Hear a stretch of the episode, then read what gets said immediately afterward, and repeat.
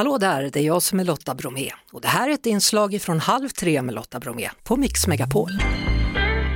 Succépodden heter Somna med Henrik har 130 000 lyssnare i veckan. Så varmt välkommen Henrik Ståhl Tack, tusen tack. till Halv tre med Lotta Bromé. Hörru, du jobbar ju med rösten, du dubbar film med mera, har gjort det länge. När kom du på att det var bra att använda rösten som sövningsmedel i en podd? Det var nog inget jag kom på egentligen. Jag, jag, jag har alltid vetat att jag har fantasi och att jag kan prata. Mm. Eh, så det var ju ingången i att göra en podd som folk skulle somna till. Rösten, det, jag vet inte, folk säger det nu men jag har jag nog inte vetat innan jag började göra podden, att jag har en sövande röst. Min eh, sambo hon brukar alltid lyssna på någon slags podd, amerikansk podd och så somnar hon hur lätt som helst och sen ligger hon där med det där på i sina öron som tur är så jag slipper höra det. Eh, men men vad, vad, vad handlar din podd om som gör att folk somnar?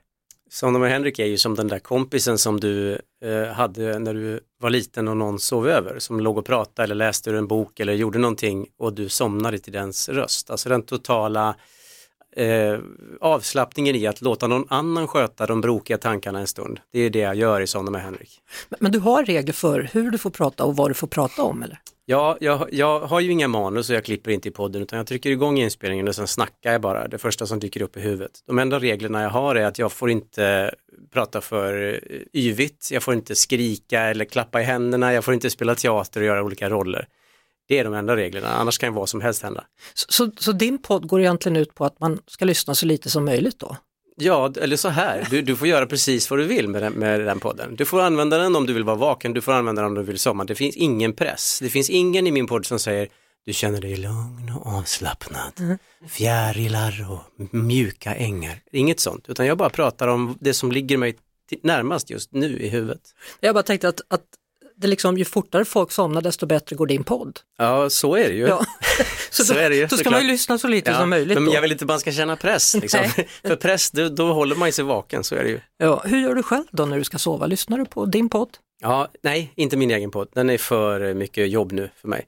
Men jag lyssnar på ljudböcker och, och eh, podcast och sånt. Och eh, jag somnar bara till sånt jag tycker är intressant. Mm.